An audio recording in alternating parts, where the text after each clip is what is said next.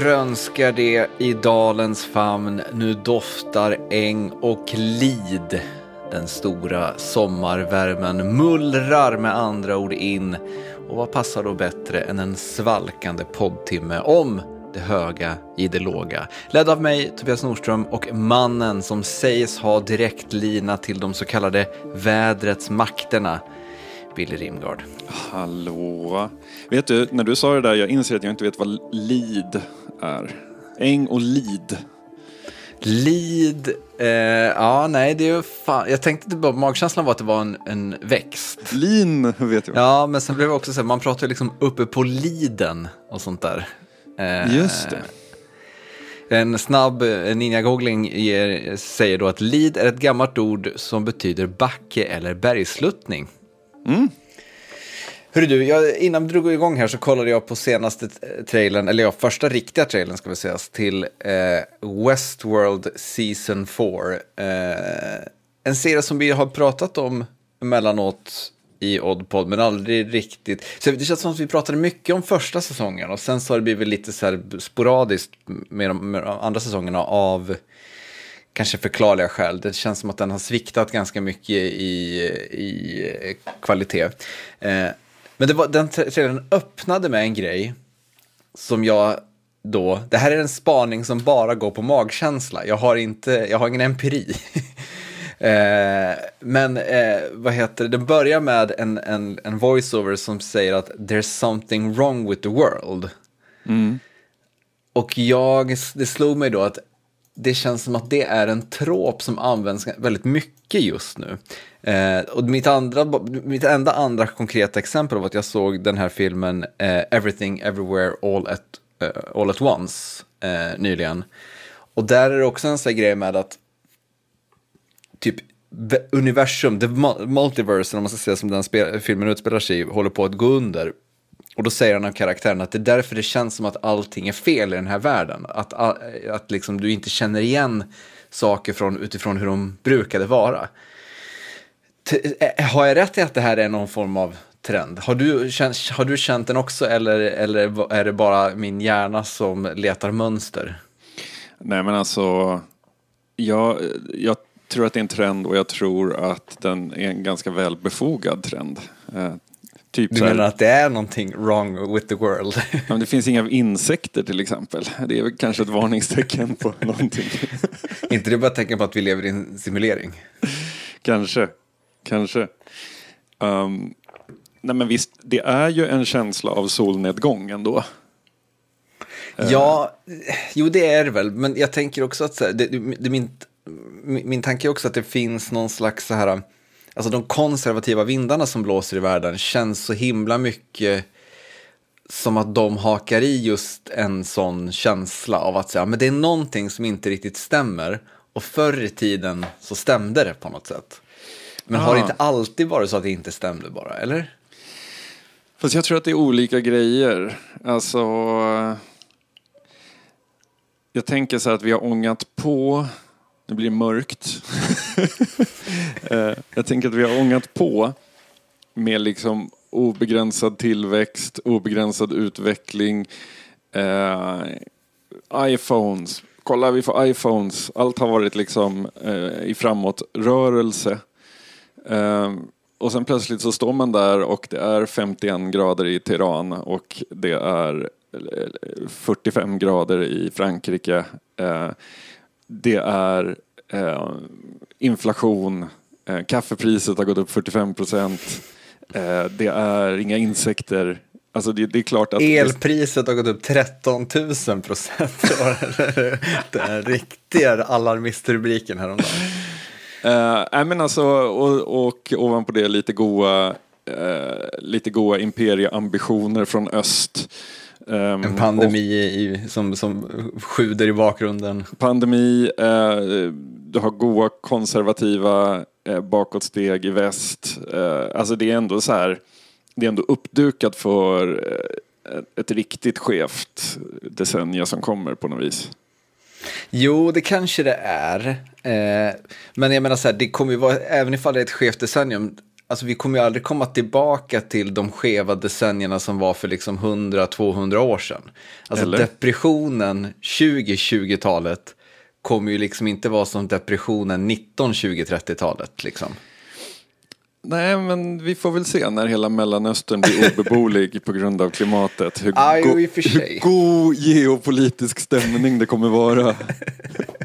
Jo, så är det ju. Men jag tänker också att det som det är bäddat för, som kanske också då är ironiskt att det här började med att vi pratade om Westworld, det är ju eh, att vi lämnar över till en AI. Alltså det är ju som att vi ställer i ordning spelpjäserna för att göra ett riktigt dumt beslut eh, ganska snart på något sätt. Eh, att, man, att man sen, när krisen när kris på kris på kris pågår i 20 år till, då kommer vi liksom lämna över ledarskapet, det globala ledarskapet till en AI för att vi märker att det här, det här måste vändas, annars kommer mänskligheten dö ut eller någonting. Och då är det ju kört, så att säga. Men det finns också, eh, alltså det finns eh, positivt i det här. Det finns ljus i tunneln. Eh, för ungefär, eh, vad är det nu? Shit, det är snart 20 år sedan. Herregud. På den tiden jag hade en blogg eh, och så var, var en återkommande grej jag drog min lans för var luftskeppen. Eh, att vi liksom måste tillbaka till zeppelinerna. Eh, tyvärr så blev det svårare att föra den linjen på grund av flera saker. Eh, det första var en motion som lämnades in till en, någon sån här årsstämma i antingen Vänsterpartiet eller Miljöpartiet där man föreslog att ersätta allt inrikesflyg med luftskepp. Eh, jag jublade, jag tyckte det var visionärt, djärvt, eh, bra. Eh, den avslog såklart eh, hårt av partistämman och there was much ridicule från andra på Twitter. Eh, att så här, vilka stollar. Så. Eh, det gjorde det svårt att liksom fortsätta bära Satt luft. du ner i båten då, eller stack du fram huvudet och, och försvarade? Eller? Ja, men det känns som att det var riggat. Det gick liksom inte... Det, det, man, man kan inte... Det går inte att nå igenom ett sånt brus med hur jävla tråkiga alla andra är och hur fantastiskt bra eh, idé det är. Nej, det är sant. Eh, andra grejen var att det 2010 eh, sattes upp en jättestor prissumma för ett så här, uh, around the world race med eh, zeppelinare. Lite som, eh, eh, vad heter den stora, eh, vad heter den stora segeltävlingen där eh, Europa möter Kanada, eller eh, Nordamerika i en båt. De tävlar med katamaraner. Ah, jag kommer inte ihåg vad det heter. Ehm, någon Alltså, kapp? Eller ja, någonting, någonting, kanske? någonting, någonting cup. Eh, Ryder Cup är väl i golf? Ja, precis, Europa precis. USA. Men ehm, det sattes upp ett extremt spektakulärt schema eh, med eh, alltså, en av målgångarna för en etapp skulle vara vid pyramiderna i, i, i Giza. Eh, alltså det var extremt storslaget, stora prispengar och sen så ställdes den in och det var 2010 tror jag. Och då kände jag att här gick luften ur. Eh, sen dess har jag legat lågt på luftskeppsfronten men nu Ehm, Spanien. Är det ett grässtrå vi anar här? Ja, Spanien är på gång. Är Nostrum en ehm, Regional Partner Carrier för Iberia, det stora flygbolaget. De har beställt tio stycken 100 platsers eh, luftskepp. En ny, ny design då, inte de här gamla goingarna. Eh, och, den som de har beställt det av det är Bruce Dickinson i Iron Maiden. Okej. Han jobbar numera... Jo men vänta, jag har, jag har nog hört honom prata i någon intervju någon gång om att han är liksom flygfantast. Ja, han, han är pilot. Han har ju flugit... Han har, det har ju hänt att han har väl typ flugit flygplan med fans till deras konsert och sådana saker. Som en här PR-stunt typ. Men nu kommer en... eh, Eh, The Airlander 10. eh, som kombinerar ett heliumfyllt, eh, en hel, heliumfylld kropp med eh, elteknologi från eh, helikoptrar. Så att 2030 2030 så är den här eh, igång. Den kan flyga 130 kilometer i timmen så det är mycket långsammare än plan. Men eh, jag menar, kom igen, det är, det är ändå visionärt. Absolut. Vet vi någonting vilka sträckor som kommer eh, som den här kommer köra? Det verkar vara inrikes i Spanien de börjar. Det är, jag är ju supersugen på att säga nu direkt bara vi, vi måste ju åka dit eh, och köra den då eh, och göra en, en podd därifrån. Men det slår mig också att det finns en risk att det här kanske är något, att det är superdyrt, eller? Alltså att det här blir någon form, mer form av liksom eh, lyx, lyxgrej. Ja, du menar så? Att det är tillbaka till det här, bli serverad champagne och... Jo, men jag tänker, eller så här, det, om det är hundra platser eh, och bara inrikes, det, jag tänker att det här känns ju mer som ett koncept än en, en praktisk lösning i nuläget då, eh, så att säga. Ja, kanske. Skulle inte förvåna om biljetterna går liksom på 15 000 styck eller någonting. Ja. Vi, vi, vi kollar upp det. Om, om det är någorlunda rimliga priser då tycker jag definitivt vi ska sikta på att, att göra det. Ja, verkligen. Chartra ett luftskepp. Ja, det kan vara en Patreon-tier. ja, eller hur? Um, ja, men sen när, eh, inom kort, när eh, privatflyg eller liksom eh, privatresor med flyg är förbjudna så kommer ju ändå luftskeppen vara det enda alternativet. Och då kommer ingen kunna säga att jag hade fel. Men känns det inte som att vi håller på, eller vi och vi, men att det hålls på att krånglas till väldigt mycket om, med just alternativa transportmedel just nu. Jag tänker exempelvis på nu kommer jag att prata om Elon Musk. Sist vi pratade om Elon Musk så fick vi typ tio mejl av folk som, som tog Elon Musk i försvar. Så de, de kommer väl igen nu, men det, låt så vara. Eh, Elon Musk har hållit på och byggt den här jävla tunneln i Las Vegas. Eh, där liksom då din bil körs automatiskt om jag har fattat det rätt. Eh, och det har ju liksom, det, själva grejen var ju då att det här skulle gå så fort, det skulle liksom vara klipp som påminde om de här eh, bilarna man sitter i i Minority Report, typ. Eh, det skulle liksom vara framtid sin åt helvete. Och det det blev är ju liksom så här bilar som kör i 30 km i timmen på en, eh, för att de hakar fast på en bana typ.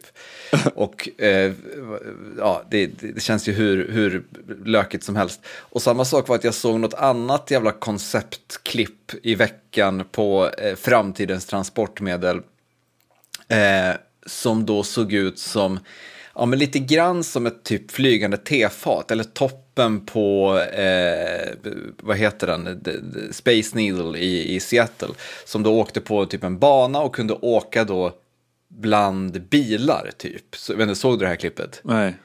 Nej, men det, det, var liksom bara helt, helt idiotiskt och det lades fram som att det här är framtiden för kollektivt resande på något sätt. Och man bara så här, dels så kommenterade ju folk då givetvis på varför har de gjort den här grejen till den minst aerodynamiska formen som finns, liksom en puck som ska åka på, på, på en bana.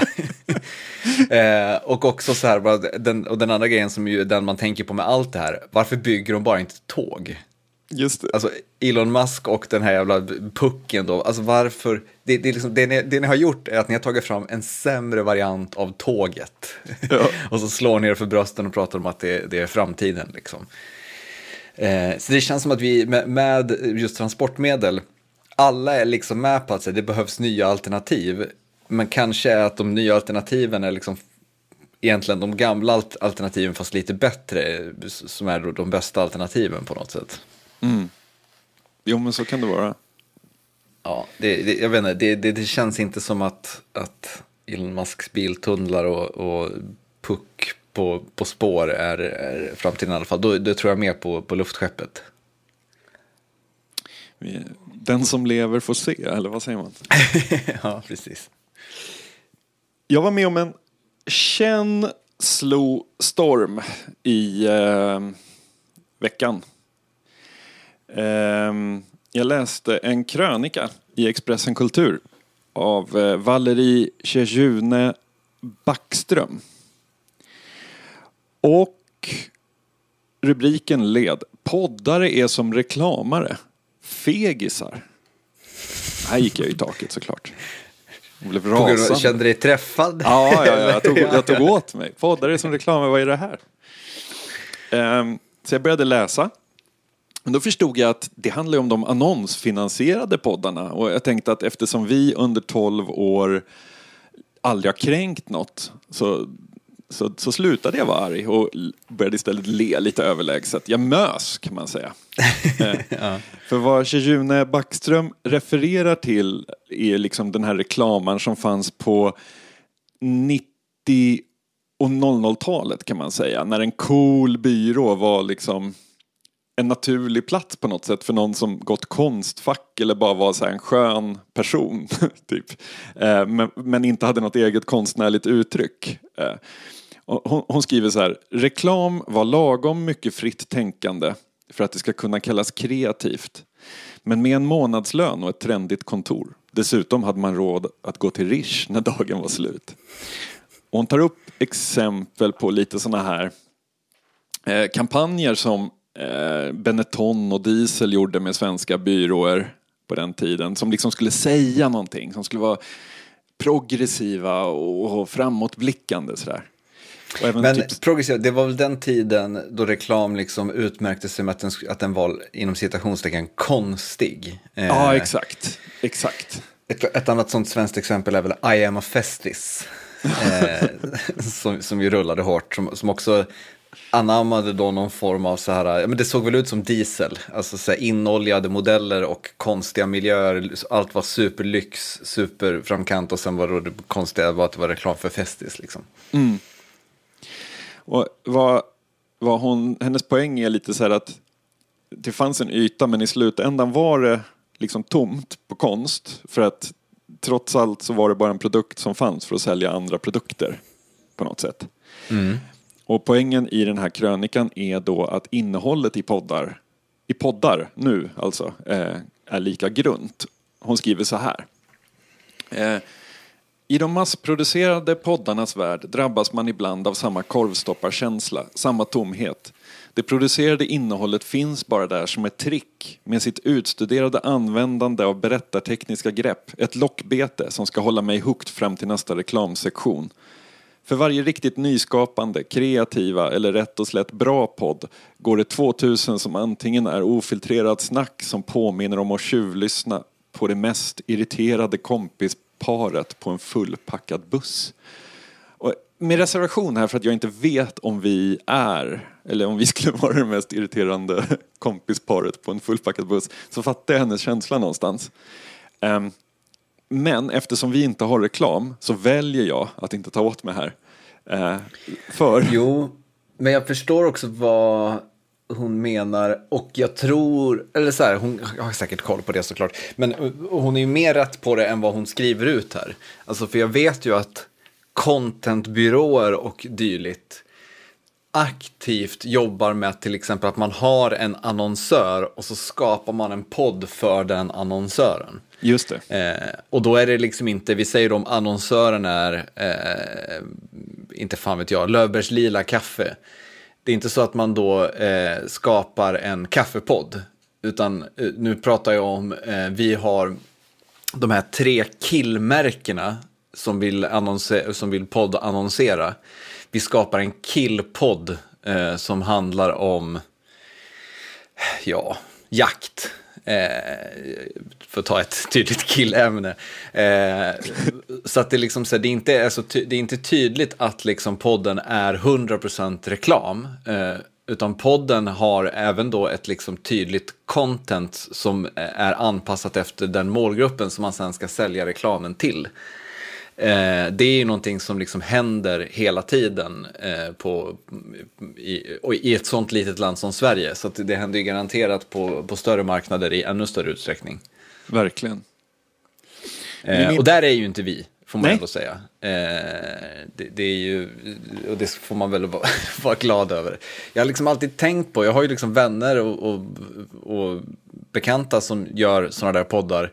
Och jag har liksom alltid tänkt på, hur känner man sig när man liksom har suttit och spelat in en kvart spottar om hur glad och tacksam man är att man har med sig det här och det här varumärket den här veckan. Eh, det, det, jag, här, jag, vet att det här med att sälja ut inte finns längre, men, men eh, det, det måste ändå vara en speciell känsla efteråt. Vi är väldigt tacksamma för alla som stöttar oss på Patreon, så att vi inte behöver göra det. Ja, men jag hade inte gjort det ändå. Alltså, nej, jag hade nej. dött. det, det... Oh, ja.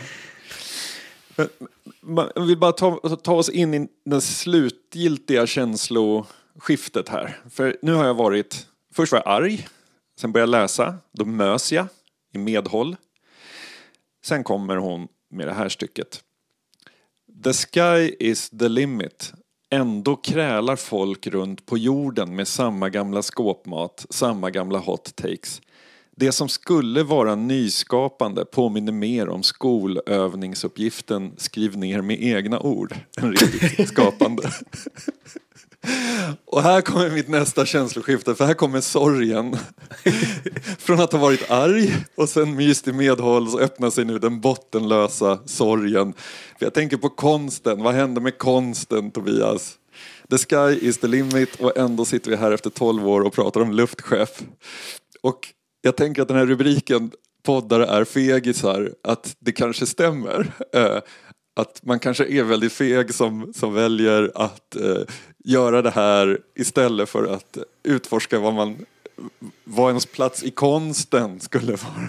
Jo, men, men så här, det, jag förstår vad du menar. Å ena sidan kan jag väl känna att så här, podden är inte platsen för konsten. Eh, men, men å den andra kan jag känna också att jag ändå känner mig trygg i att vi är de enda som sitter och förfäktar för luftskeppen i, i tio års tid. eh, för en sak som slår när man lyssnar på många andra poddar är ju, och det är ju det som är det sorgliga på något sätt, att det är ju väldigt, och den fällan går vi också i emellanåt, men att det är samma i varje podd. Eh, vi pratade en gång i tiden om hur eh, P3 hade gjorts om till att man pratar om det som är i flödet. Alla program, eh, först har man morgonpasset på morgonen som går igenom vad som, har, vad som är stort i flödet. Och sen så har man ett program mitt på dagen som gör samma sak och ett program på eftermiddagen och ett program på kvällen. Och alla, alla gör samma grej liksom. Och så är det ju väldigt mycket med poddar också. Ta som här ett tydligt exempel här om veckan med Swedengate.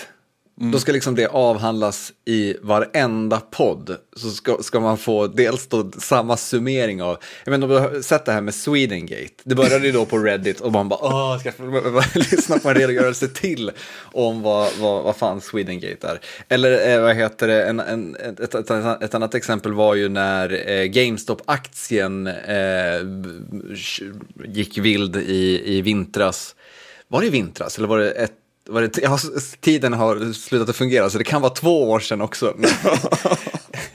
Eh, men när, Game, när GameStop-aktien gick bananas och eh, det härjades med eh, och alla skulle förklara vad det var att shorta en aktie var. Och kom på liksom då mer eller mindre samma exempel på, på hur, hur det fungerar och så vidare. och Så vidare. Så jag tänker att det bidrar också till den här känslan av att det är tomt och fekt. Att det är liksom samma sak som idisslas i var, varje podd om och om igen. Eh, det, det, är ju, där fylls jag också med sorg, precis som du. Men jag tänker också att det finns en aspekt av det här som handlar om tiden man har tillgänglig. Alltså så här, tiden, en individs tid är begränsad. Eh, och tiden man lägger ner på att förbereda nu låter det som att jag försöker liksom antyda att vi ska sluta på det. Absolut inte. det här är podd will prevail. Eh, men alltså tiden man lägger ner på att preppa ett avsnitt, spela in ett avsnitt, klippa ett avsnitt, eh, publicera ett avsnitt och så vidare. Eh, den, om den tiden användes till att skriva den stora svenska romanen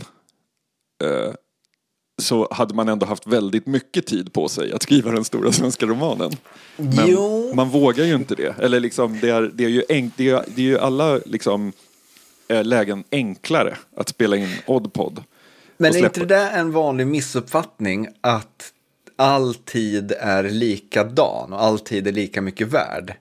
Alltså jag tänker att eh, man tänker, så här, man, ofta beskriver man ju just det, det där förhållandet runt tid, att så här, eh, man ägnar massa tid åt skit, därför hinner man inte göra de här vettiga sakerna. Men jag tänker att så fungerar ju inte hjärnan. Det är ju inte som att så här, vad heter det, eh, det är inte så här, om jag hade struntat i att titta på Netflix så hade jag skrivit en bok istället. För tiden jag spenderar att titta på Netflix eller kolla på Westworld eller whatever är ju downtid för hjärnan.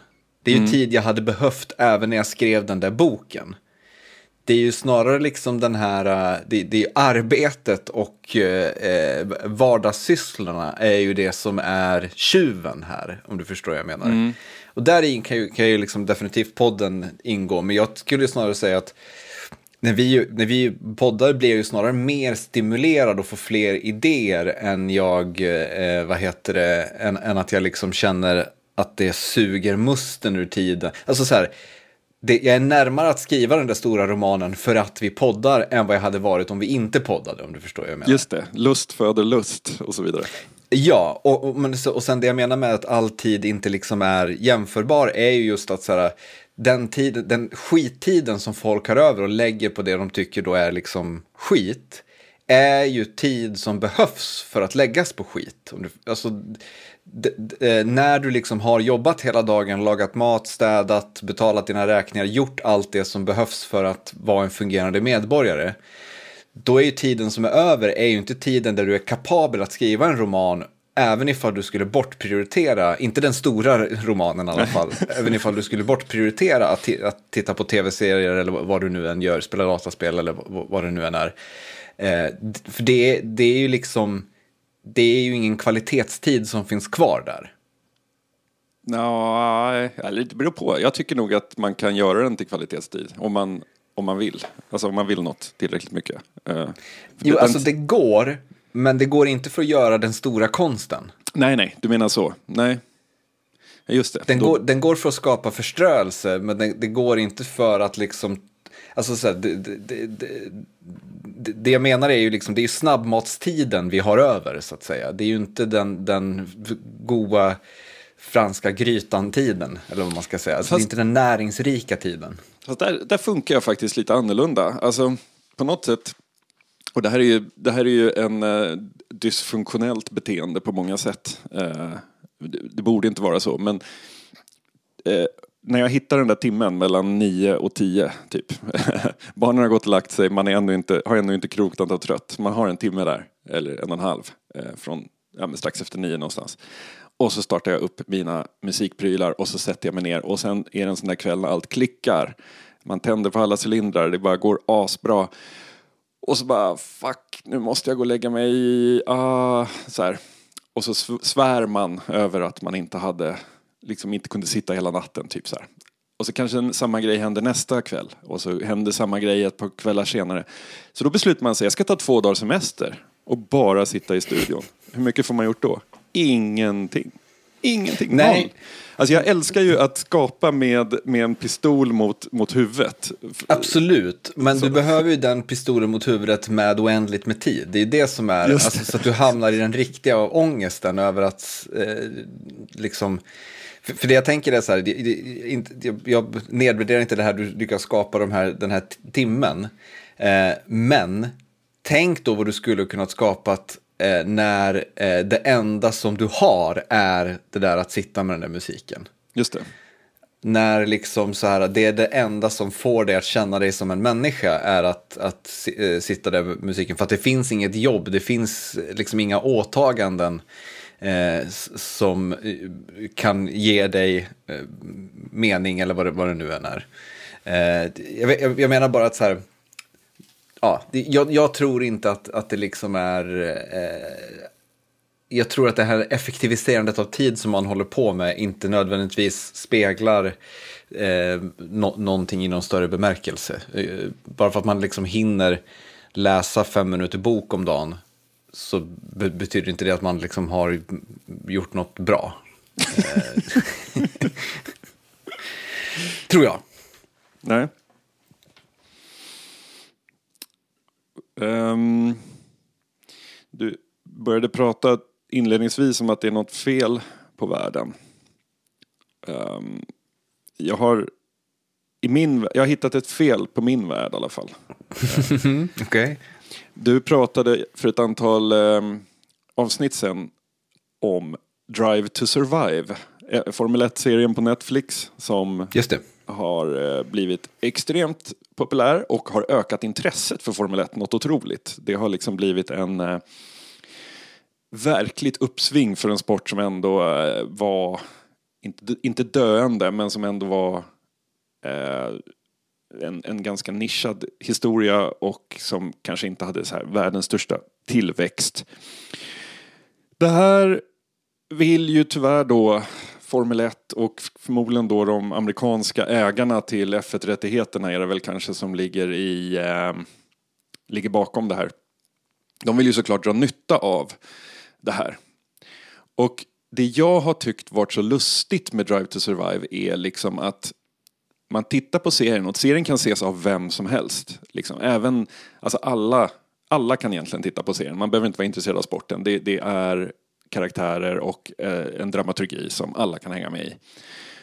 Men det roliga är att diskrepansen gentemot när man tittar på ett faktiskt lopp är så enorm. För att om du, om du bara har sett Drive to Survive på, på Netflix och blir sugen på att se ett lopp och så har du liksom kommentatorer som pratar om fjädringsinställningar och eh, konstiga depåstrategier och olika gummiblandningar på däck och sådana saker.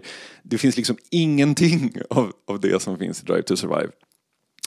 Men det har man ju velat förändra kan vi konstatera. Och jag är, you know what grinds my gears? Jag är en sån, jag skulle kunna hålla en uh, rant om detta. Uh, uh, det är kanske är det jag håller på med. Det här kanske är min rant. Men Men det du pratar om då är det liksom då tv-produktionen av ett lopp? nu, ja, enkelt. exakt, exakt. I år så har det blivit, det var inte så förra året, men i år så har det blivit extremt uppenbart hur man försöker anpassa tv-produktionen av loppet för att mer ligga i linje med Drive to Survive-berättandet. Och det här får en del riktigt absurda konsekvenser. Eh, Du har en fight ute på banan eh, som är svinspännande. Liksom. En, i, I Formel 1 så funkar det ju så att om, om du gör ett litet misstag så du tappar liksom 200 sekund i utgången av en kurva, då kommer du bli omkörd. Så att liksom, det, det är... Eh, även där det inte finns liksom möjlighet till omkörning så är det ändå spännande därför att ett minsta lilla misstag och eh, liksom, saker kan förändras. Ehm, klipp till. Harrison Ford och Tom Cruise står och skrattar och pratar med varandra i pit lane. Så här. Man bara Gå tillbaka till loppet! Skriker jag framför tvn. Eh, likadant var det i helgens lopp i Montreal. Där det har varit en säkerhetsbil, eh, efter en krasch så var det en säkerhetsbil ute, en säkerhetsbil samlar ihop fältet och kör långsamt eh, så att man kan städa upp efter kraschen. Eh, vrakdelarna är borta, loppet ska startas om. Det är en extremt eh, spännande ögonblick i ett race när loppet ska startas om efter en säkerhetsbil för att liksom alla bilar är samlade. Återigen, eh, det, det hänger på hundradelar.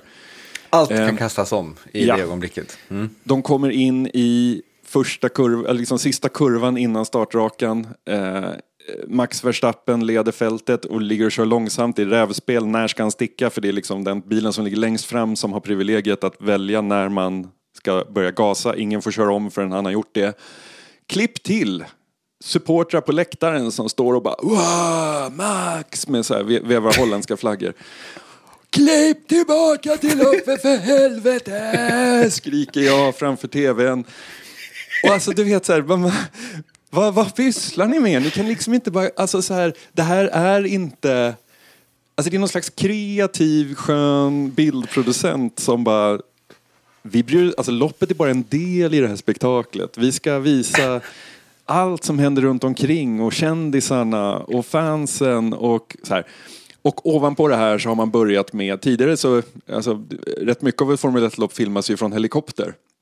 Men var det någon på något produktionsmöte som räckte upp handen och sa det här med drönare, kan det vara något? Så att vad de har gjort är att de har en drönare som flyger ovanför banan och som styrs av en jävla klåpare. Jag menar, bil, biljävlarna går ju i 250-300 kilometer i timmen.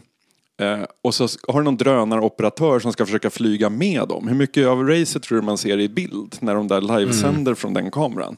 Det är liksom, man ser ju mest gräsmattor och himmel. Liksom, för att det, det, det är så här, vad händer med en hovrande helikopter och en stilla kamera? Det, det funkar skitbra, det har funkat i liksom 60 år. och det här, jag blir så, jag, blir, så här, jag gillade ju att Drive to Survive kom och för fansen gav den en backstory till um, vad som händer i, i liksom stallen som aldrig får någon medieuppmärksamhet. Och för icke-fansen så var det en så här, ja, men, skön inkörsport. Men nu, någonstans måste gränsen dras, som Jean-Luc Picard sa, och gränsen måste dras här. Men är inte det här, eh, du, du, eh, för det första gillar jag väldigt mycket att här, du är peak pappa här. liksom, som sitter framför tvn och bara klipp till loppet för um, Men, men det jag tänker är, är inte det här bara den smärtan som blir när man befinner sig i ett skifte? Mm. Eh, och jag tänker då inte att så här, det här som är den nya given, men att alla här håller på att lära sig vad den nya given är. Eh, för, för det jag tänker på något sätt, att jag, jag tror nödvändigtvis inte att det du beskriver är av ondo. Jag tror bara att det, det här, det som håller på att förändras har man inte riktigt hittat, man har inte satt formen helt och hållet riktigt än. Mm.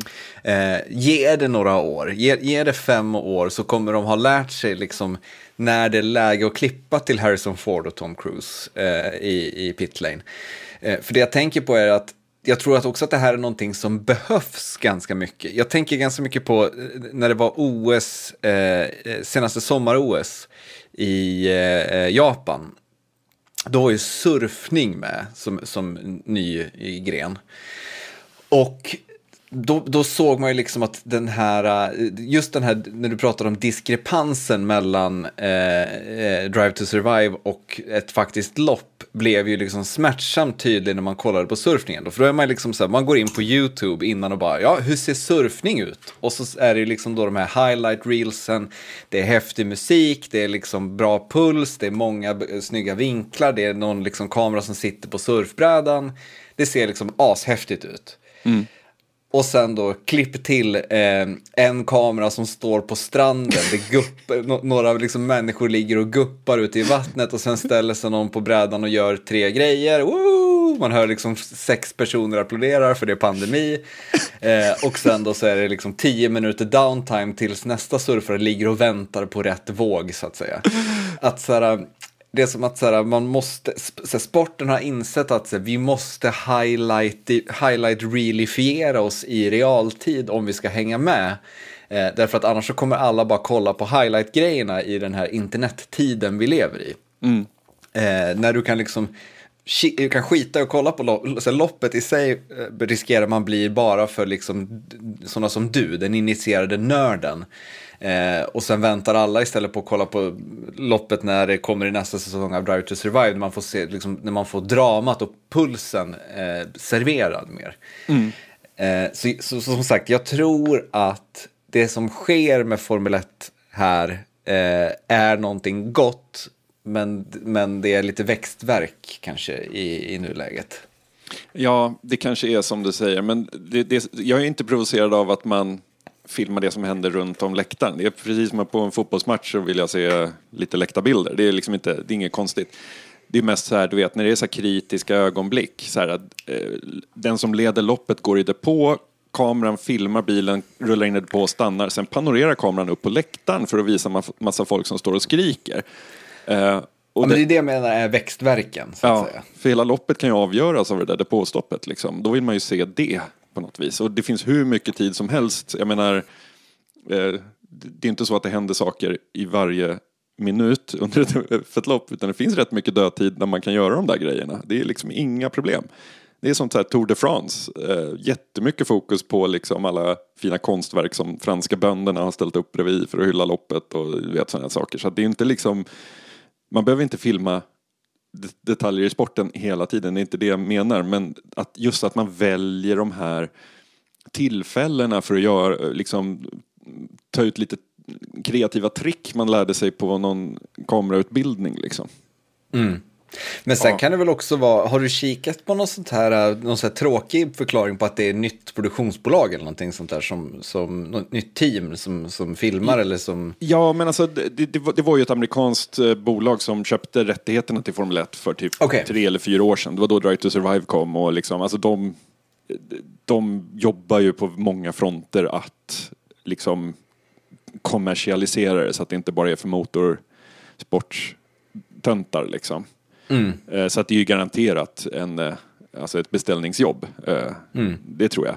Men det var bara en jag sån... det, det där är ju liksom också en, en utmaning med just sport. Alltså Formel 1 är ganska tacksamt i och med att man är på en liksom ganska begränsad yta. Det är ganska lätt att ha eh, kameror som täcker allt som händer. Eh, och det, är, eh, ja, det, det går att göra så att säga.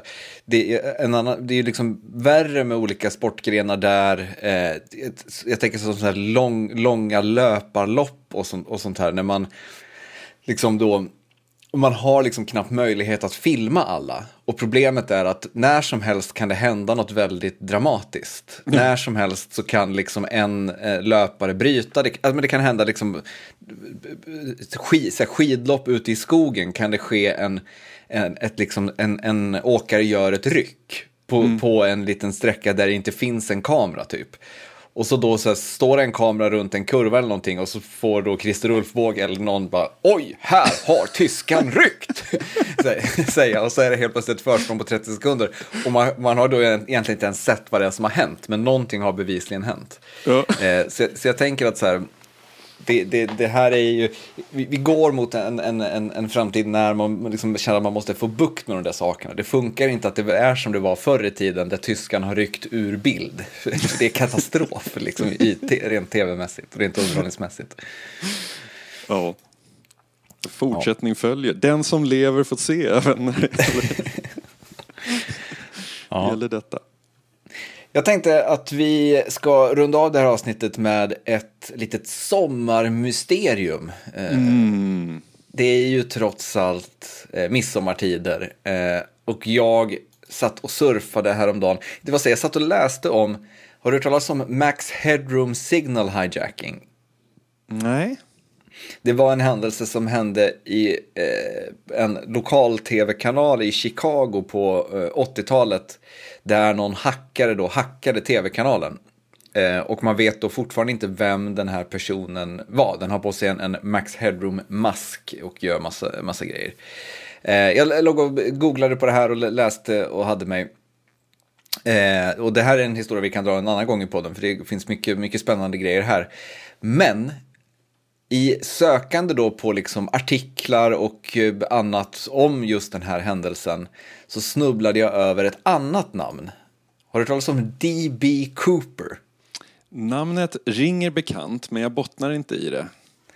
Det var så här att eh, på då, i en av de här artiklarna så, där jag, eh, som jag hittade som handlade om den här eh, tv-hackningen så stod det då, radades, det- radades det upp ett, ett fåtal exempel på identiteter som vi fortfarande inte känner till.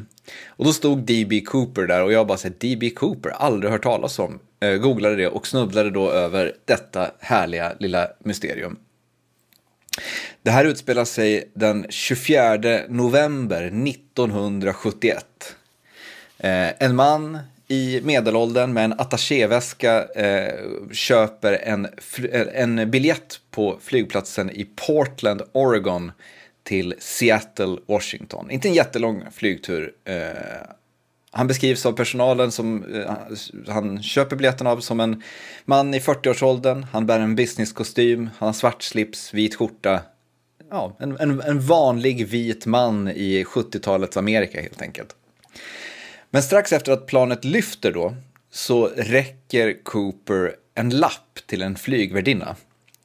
Eh, och hon då har berättat att hon tror att den här lappen är eh, den här mannens telefonnummer. Hon tänker att det är en, en business-snubbe som ska flörta med flygvärdinnan eh, och stoppar lappen i sin, flick, eh, i sin ficka bara och går iväg.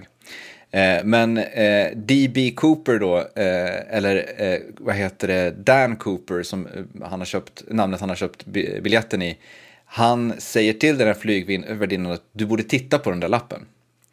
Och på lappen då så står det att Dan Cooper har en bomb i sin väska och att hon ska sätta sig bredvid honom. Det, det är ju inte världens graciösaste uppstart på, på, på den här historien.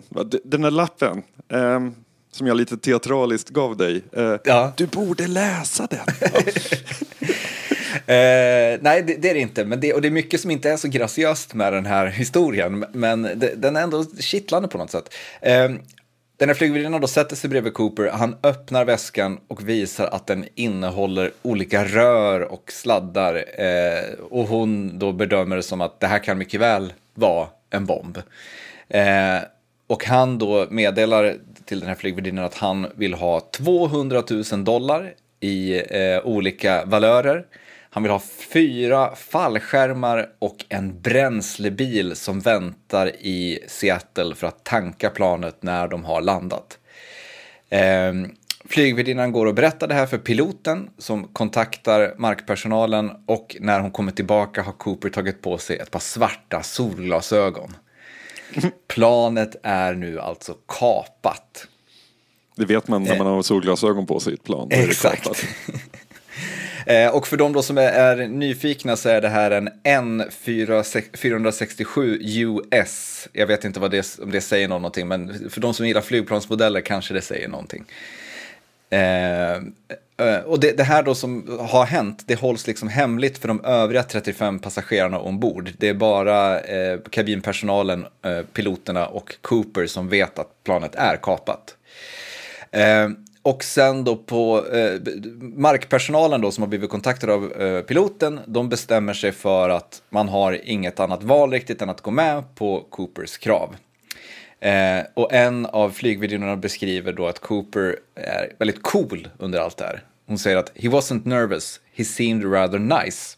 He was never cruel or nasty, he was thoughtful and calm all the time. Eh, så planet, Gentlemanna- Gentlemannakapan. Ja, verkligen en, en gentlemannakapare. Eh, och planet landar då i Seattle. Eh, Cooper instruerar piloten att taxa planet till en öde del av flygfältet.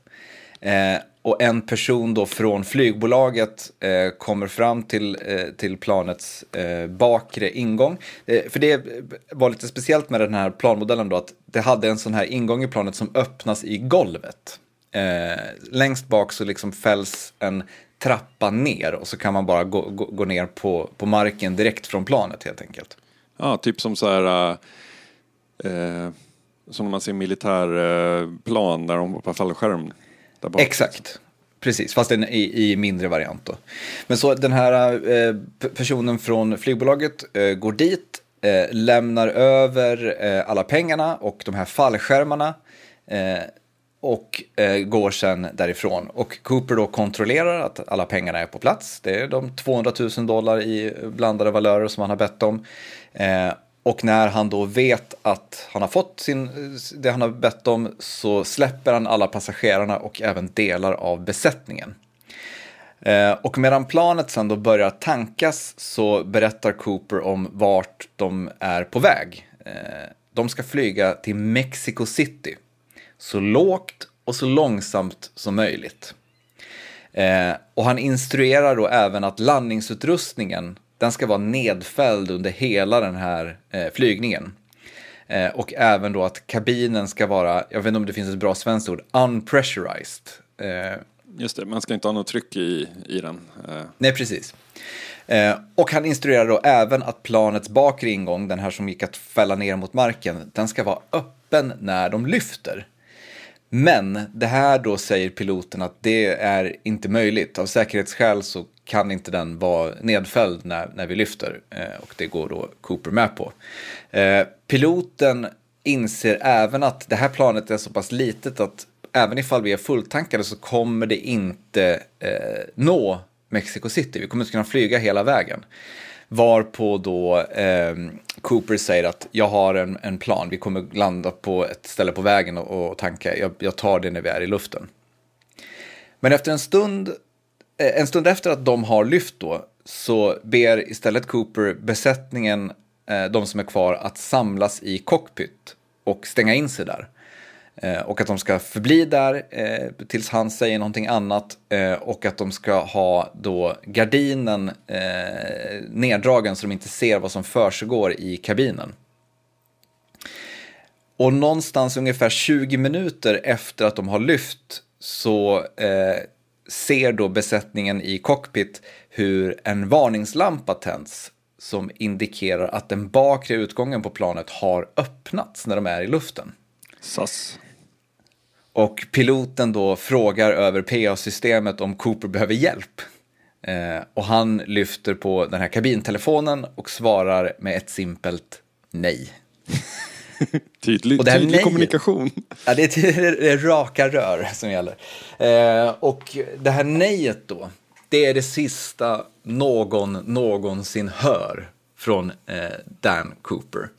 Eh, ungefär två timmar senare då så landar det här planet för att de eh, ja, inser att det måste, bränslet börjar ta slut, vi behöver landa någonstans. Och man möter då upp även FBI som man har kontakt med på marken. FBI söker igenom planet och bekräftar att Cooper är inte längre ombord. Och det man då räknar ut att eh, det, man, det som har hänt och som man räknar ut har hänt är att Cooper antagligen då har hoppat från planet någonstans i eh, delstaten Washington vid en vulkan som heter St. Helen. Och man genomförde då massiva eftersökningar i det här området, både till fots och med helikopter. Eh, man frågade ut alla liksom, bönder och byar och grejer i närheten.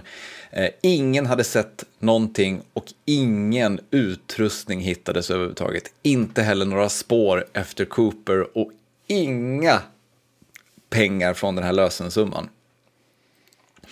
Man, man ska säga så att man kom senare fram till att man antagligen hade letat lite på fel ställe och gjorde då efter några år eftersökningar i ett annat område, men det gav ingenting eh, i det i det här nya området heller. Man hittade även då jättemycket fingeravtryck i kabinen eh, efter Cooper, men man kunde ändå aldrig identifiera vem det här var. Eh, Dan Cooper då, man, man hittade att det fanns en person som hette Dan Cooper i, i området som var tidigare dömd, eh, jag kommer inte ihåg för vad, eh, men den här, och man tog då in den här personen för förhör, men det visade sig att det inte alls var, var samma, samma man. Eh, och det här namnet var ju då, visade sig, ett alias och han hade även då betalat biljetterna med eh, kontanter så att man kunde inte heller spåra det, eh, hur, det, hur det hade gått till. Det här var alltså då 1971.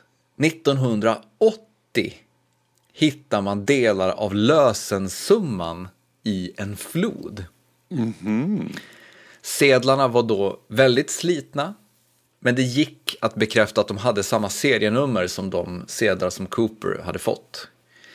Eh, och vad som hände med eh, Dan Cooper, det vet fortfarande ingen. Det, han är liksom spårlöst försvunnen. Eh, och det här är någonting som FBI då utredde hela vägen fram till 2016. eh, men då lade man ner utredningen och insåg att så, vi kommer aldrig eh, få, få svaret eh, på det här. Jag skulle vilja veta vem som 2015 gick till jobbet på morgonen och bara, jaha, DB Cooper, var, var står vi någonstans? Ja. DB Cooper då, som, det var alltså namnet ehm, eh, som han kallades i media och, och annat. Eh, det var på grund av en, en, eh, ett kommunikationsfel med marken. Marken hörde fel när de sa Dan Cooper och tänkte att han hette DB Cooper, då blev han känd som, som DB Cooper. Eh, d- men så, det är fortfarande väldigt, väldigt okänt. Du ska få en, en bild på DB Cooper. Det är- nästan svårt att beskriva, det här är en Oh. fantombild då. Det ser ut som en mellanchef i Mad Men. Ja, exakt. Precis så. Exakt så som man ser ut, tänker sig att en typ 45-årig, han kanske är 35 på den tiden i och för sig. Eh, men, men, men den här eh, dammsugsförsäljaren som åker mellan eh, hus i Mellanamerika på 70-talet. Lite sidbena, kort hår, slips, vit skjorta. Ja men liksom så extremt average Joe 70-tal. Tror du att Dan Cooper klarade sig? Bra fråga. Var det alla pengar man hittade? Eller var det bara Nej, delar? Nej. delar. En, en liten del av lösensumman var det man hittade. Man skulle kunna tänka sig att eh, liksom, han sumpar en mid-air, eh, delar av den, eh, såklart. Mm. Ja. Det är en bra fråga. Alltså, det som talar emot att han klarade sig det är ju att den här typen av figurer, såvida det inte är liksom någon extremt slick eh, person, så brukar ju den här typen av figurer sällan... Det är sällan man kommer från ingenstans, gör en sån här grej och sen lever sitt liv. Mm. I, i tystnad. Det brukar ju spåra förr eller senare. Det brukar gå till helvete. Nästan alla såna här snygga, liksom eh, ospårbara eh, rån och sånt. Alltså det, de ko- brukar komma fram förr eller senare därför att man eh, använder sina pengar till att investera i någon skumverksamhet och sen så liksom fem år senare så blir någon mördad och så, ja, så. Eh, det, det brukar ju sällan vara att man bara cashar, cashar in och sen går tillbaka till att sälja sina dammsugare. Liksom. Ja, och man kan ju tänka lite grann att så 200 000 dollar, även ifall det här är 1971, är ju liksom inte supermycket pengar. Eh, jag, jag tror att så här, det motsvarar då eh, enligt Wikipedia 1,3 eh, miljoner dollar 2021 i, i eh, motsvarande pengavärde. Och det är ju, liksom, det är ju en, en, en bra slant, men det är ju liksom inte eh, någonting som, som du nödvändigtvis blir, mm, ja, lever gott på, köper en egen ö för så att säga. Å andra sidan så här, jag tar, får ta tillbaka det jag sa eh, lite. För just att det är 200 000 dollar, det är en extremt specifik summa. När man ändå gör en sån där sak, då skulle man kunna bett om 300 000 dollar, eller 400 000 dollar, eller till och med en miljon dollar. Alltså det, det, det, 200 000 är extremt specifikt. Um, och det här finns det ju säkert folk som har tänkt på det här längre än de fem minuter som jag har hunnit parsa detta. Men jag tänker så här att det är ju inte otänkbart att tänka sig en situation där ens företag är skyldigt 200 000 och man behöver betala det för att inte gå i konkurs och för att liksom rädda sin familj och sitt boende och så vidare så behöver man ha fram exakt 200 000 och efter det så kan man gå vidare med sitt liv. Eh, det, det, det finns ju också den möjligheten såklart. Eh. Ja, det, det är antingen den möjligheten eller så, alltså det finns ju liksom, man kan ju, eftersom att vi vet så otroligt lite om Dan Cooper och det, och det som liksom finns dokumenterat är liksom det lilla utbytet som han har med eh, kabinpersonalen i princip. Så går, är det liksom väldigt svårt att göra någon slags liksom psykologisk profil eller någonting. Eh, så man kan ju, det kan ju både vara så att det är en person som har stenkoll på grejerna, som vet att Eh, 200 000 är precis lagom för att jag ska orka bära det genom vildmarken efter att jag hoppat fallskärm. Och det kan också bara vara att, som du säger, en person som behöver exakt 200 000 för att den är satt i skuld och har en halv eh, genomtänkt idé på hur han ska få tag i de här 200 000 dollarna. Eh, det, det är det som gör det här, tycker jag, så, så spännande på något sätt. Att ha, det är hans mysteriet med vem han var som är kittlande på något vis. Ehm, det, jag ska säga att det, det finns en teori. Eh, så de flesta tror att han antagligen dog i, i landningen. Eh, efter, eftersom att det liksom inte finns några spår alls. Ingen har liksom sett någonting. Så, så tyder liksom det mesta på att eh, det, det, han antagligen omkom någonstans. Och att då anledningen till att man inte liksom har lyckats hitta honom. En teori är då att hans kropp och fallskärmen och annat eh, förstördes i samband med att den här vulkanen då fick ett utbrott 1980. Eh, är det är då en teori, då det då var lite skogsbränder och annat i, i det här området i närheten av det, där han eh, hoppade. Jag var inne på Eh, att han kanske byggde sin supervillan-bas inne i vulkanen. Ja, du måste ha lite hantverkare och grejer, och byggnadsmaterial och så vidare. Eh, Det har vi sett i Better Call Saul, att hantverkare kan tas hand om. Ja, det är sant. Eh, jag, vet inte, jag, blev, jag blev eh, fascinerad över just den här typen av någon som gjorde någonting och man vet inte alls vem det var eh, än idag. Idag, och det ska sägas också att mycket, eh, eller eh, mycket, men många saker förändrades efter D.B. Cooper i hur det fungerar när man köper flygbiljetter och annat i USA. För att man då märkte att så, det här var ju ett, mm, ett liksom ganska osäkert system där någon i falskt namn kunde betala kontant och bara sätta sig på ett plan och man har ingen aning om vem det är.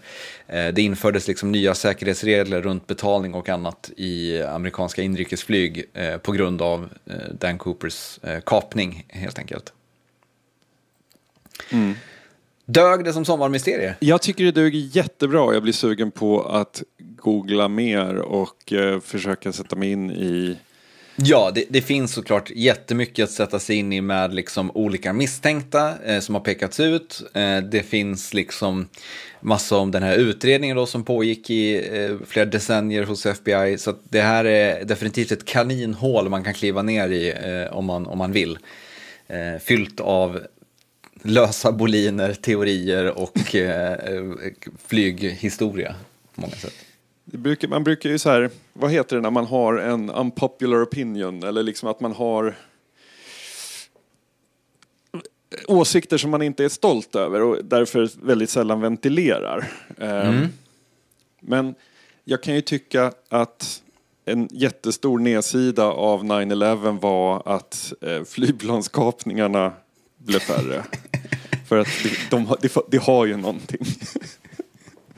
Absolut. Sen, sen kommer jag inte gå i polemik och försvara varför flygplanskapningar är bra, men det har ju någonting. Ja, men det har ju någonting på samma sätt som att en pandemi har någonting. Det, ja. det, det, är, det är kittlande, det kan vara kittlande och hemskt på samma gång. Liksom. Mm. Verkligen. Men eh, med det så får vi väl eh, hoppa ut ur planet för den här veckan. Skjuta ut oss. Skjuta ut oss. Se vart vi eh, vart vi landar nästa vecka och se om vi har någon tid för konsten på vägen dit. ja. Eh, tveka inte, om du gillar det vi gör här i Oddpod, tveka inte att stötta oss på Patreon. Man går in på patreon.com oddpod. Eh, det, ni som gör det uppskattar vi jättemycket och ni som lyssnar och inte gör det skulle vi jättegärna önska att ni eh, bidrog med en slant. Det betyder mycket eh, för oss. Vi uppskattar er också. Ja. Vi hörs om två veckor. Hej då.